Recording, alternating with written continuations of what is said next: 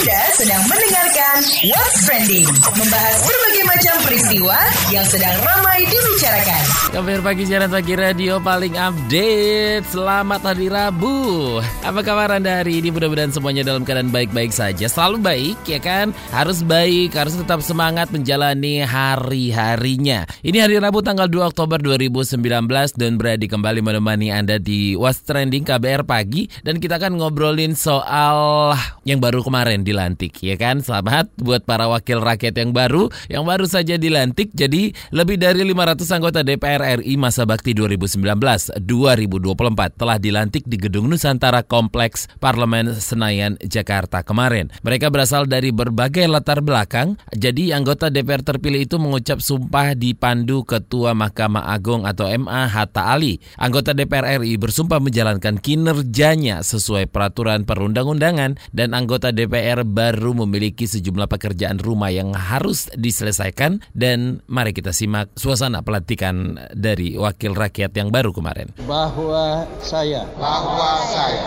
akan memperjuangkan akan memperjuangkan aspirasi rakyat yang saya wakili. Aspirasi rakyat yang saya wakili.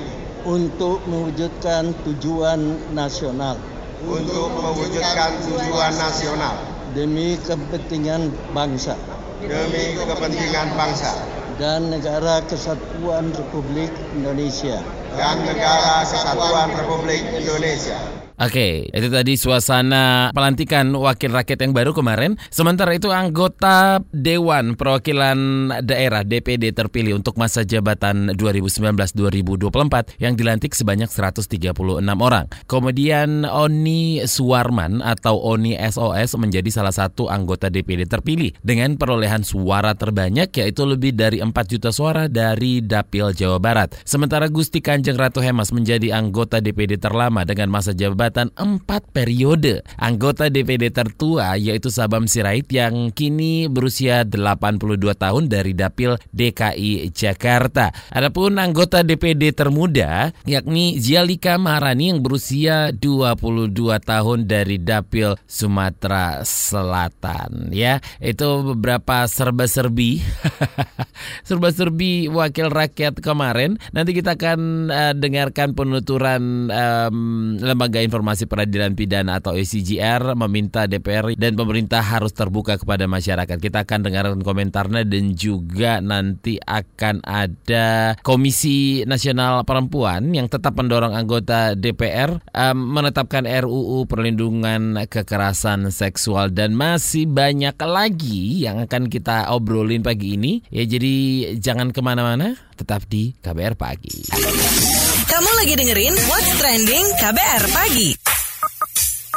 Di Was KBR pagi bersama Don Brady kita ngobrolin soal di tangan wakil rakyat yang baru ya. Jadi kemarin itu kita disibukkan bukan sibuk juga sih ya sambil kerja gitu ya sambil ngelihat berita terus ngelihat TV ya uh, wakil rakyat yang baru sudah dilantik. Jadi lembaga reformasi peradilan pidana ICZR meminta DPR dan pemerintah harus terbuka kepada masyarakat dalam pembahasan RKUHP maupun RUU lain yang dianggap bermasalah. Peneliti ICZR Geno Vena Alicia tidak ingin DPR yang baru melakukan pembahasan RKUHP secara tertutup seperti DPR periode sebelumnya. Kita dengarkan penuturannya berikut ini. akan sayang kalau misal prosesnya sama kayak kemarin gitu. Kalau prosesnya sama kayak kemarin akan besar kemungkinan akan berakhir kayak sekarang lagi gitu kan karena memang yang membahas bakalan tetap sama kecuali di DPR-nya. Nanti kan kita minta ada tim baru, tim yang lebih komprehensif. Dia mencakup semua ahli, nggak cuma ahli bidang hukum pidana secara spesifik, tapi juga ada ahli-ahli di bidang lain yang terkait kayak kesehatan, kesejahteraan sosial. Oke, selain itu Komisi Nasional Perempuan mendorong anggota Dewan Perwakilan Rakyat periode 2019-2024 menetapkan RUU Perlindungan Kekerasan Seksual atau RUU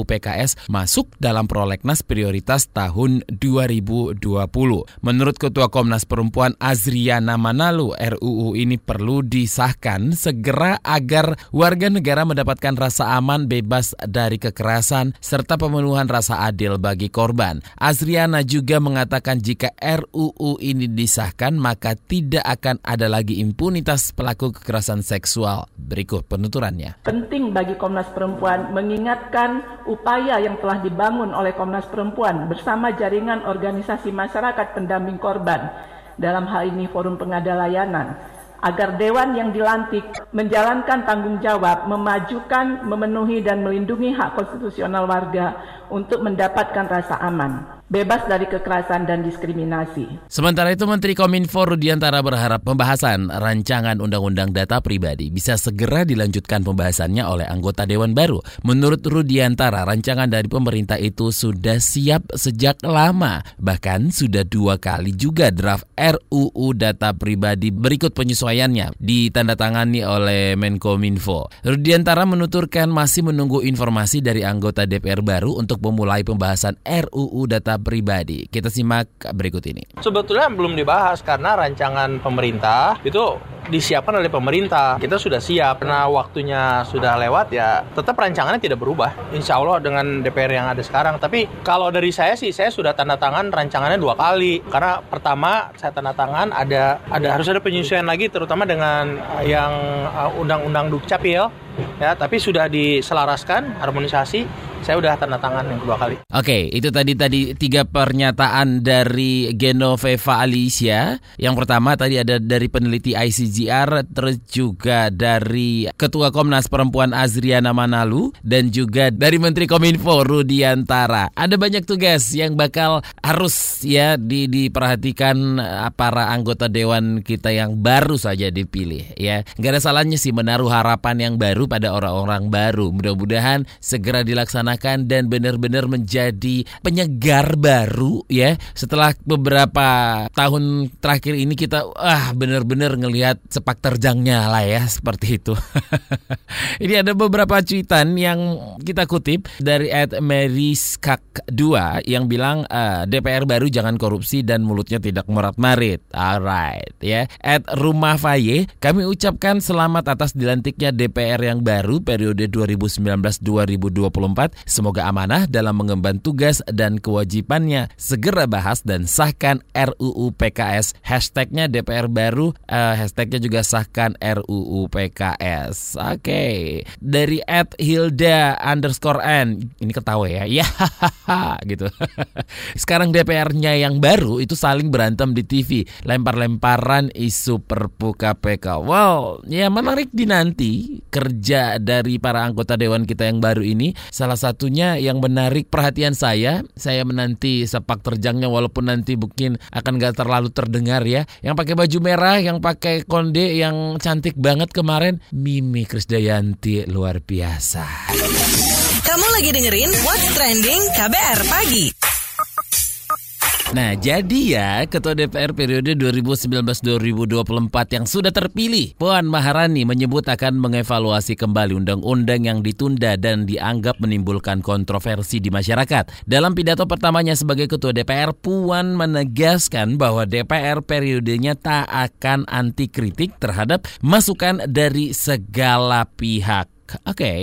kata Puan, DPR adalah lembaga yang um, merupakan representasi rakyat sehingga selalu terbuka terhadap segala aspirasi rakyat. Lebih jelasnya lagi, kita bertanya kepada Ketua DPR periode 2019-2024 Puan Maharani. Ibu Puan, bagaimana strategi mengembalikan kepercayaan publik nih? Yang sudah pernah menjadi anggota DPR dua periode, ya tentu saja saya berharap bahwa ke depan ini DPR akan bisa menghasilkan undang-undang yang produktif, tidak banyak, namun bisa mem, apa, ma, e, mateng sesuai dengan e, situasi kondisi yang ada di lapangan. Tidak perlu banyak tapi memang itu sudah bisa sinergi antara pemerintah e, kemudian DPR dan mendapatkan e, banyak masukan dari masyarakat ataupun e, apa namanya orang-orang yang memang perlu memberikan masukan ahli ahlinya terkait dengan undang-undang tersebut. Nah, bagaimana soal carry over rancangan undang-undang yang kontroversial? Penundaan undang-undang yang kontroversi kemarin yang sudah ditunda tentu saja akan kita evaluasi kembali, kemudian mendapatkan banyak masukan dari masyarakat dan tentu saja ahli-ahlinya dan tokoh-tokoh jika memang diperlukan yang pasti penundaan ini akan kita cek dulu sampai berapa lama waktu yang perlu kita tunda dan tentu saja tidak akan kami paksakan untuk kami selesaikan kalau memang hal itu masih banyak kontroversi. Oke, gimana nih Bu membangun citra DPR ke depan? saya berharap bisa membuat inspirasi inspiratif bagi perempuan-perempuan Indonesia bahwa ternyata politik itu bukan suatu hal yang tabu politik itu dinamikanya berdinamik sangat dinamis namun ternyata bisa juga uh, apa menghasilkan perempuan-perempuan yang nantinya bisa membawa uh, apa namanya manfaat bagi Indonesia. Oke, terima kasih Ketua DPR periode 2019-2024 Puan Maharani. Suaranya mirip Ibu Mega banget ya? Ya iyalah.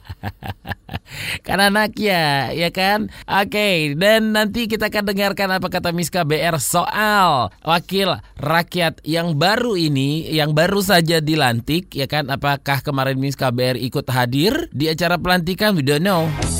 Penasaran sama komentar Miss KBR? Ini dia Miss KBR. Udah, segitu doang. Kemarin itu ya, anggota Dewan yang terhormat atau sebutannya anggota DPR RI terpilih untuk periode 2019-2024 dilantik udah, disumpah pakai kitab suci, tapi nggak perlu kan ngambil di barat ya Wak, kayak tong samcong. DPR kan gedung serba ada, minus nggak ada kuping. Buat dengerin aspirasi masyarakat. Diduga ya Bo, ya kalau bener didengar kisru atau gaduh demonstrasi, mungkin nggak ada. Lah iya, anggota baru dilantik. Kok ya pada remehnya? Apa sih yang dipakai Krisdayanti atau Mulan Jamila yang akhirnya duduk di kursi DPR itu? Mbok ya lebih sensi gitu ya kan sama isu. Bukannya Miss KBR kaku loh ya. Cuman ya prihatin aja. Jangan biarkan para selebriti mengalihkan perhatian pada persoalan penting. Secara ya tanggalannya DPR periode sebelumnya kan bikin keki emosi jiwa. Hmm, udahlah ya kinerjanya bagus banget banget dari 189 RUU dalam prolegnas prioritas 2015-2019 yang disepakati barengan pemerintah cuman 25 RUU yang disahkan. Udah gitu ya, mereka itu kan gampangan banget kan menyetujui tambahan anggaran untuk lembaga yang kinerjanya nggak terlalu signifikan. Belum lagi perkara korupsi ya kan? Anyway, meskipun sebagian besar alias lebih dari 50% anggota DPR itu awak anak-anak kemarin Muke lama maksudnya. Ada juga sih wajah-wajah baru. Semoga sih DPR bisa jadi lebih seger ya kan, nggak sumpah kayak sebelumnya. Akan tetapi kisanak, apakah dengan wajah-wajah baru yang muncul di DPR bakalan bisa ngasih sumbangan positif? Tunggu dulu perlu pembuktian kayaknya ya. Cuman ya, hmm, Miss Kabar kok kayaknya pesimis ya, boleh kan? Mungkin nih ya mereka itu perlu dibikinin kontrak setan biar kena azab kalau melanggar. Kayak di sinetron-sinetron itulah Semisal kalau ketangkep pas korupsi atau lebih mementingkan partainya daripada Indonesia ya kan Kan yang bikin mereka itu kepilih dan duduk manis di DPR RI itu kan masyarakat kan, bukan pemilik partai politik. Camkan. Itu dia tadi komentar dari Miss KBR. Mau tahu besok Miss KBR bakal komentar apa lagi? Tungguin cuma di KBR Pagi.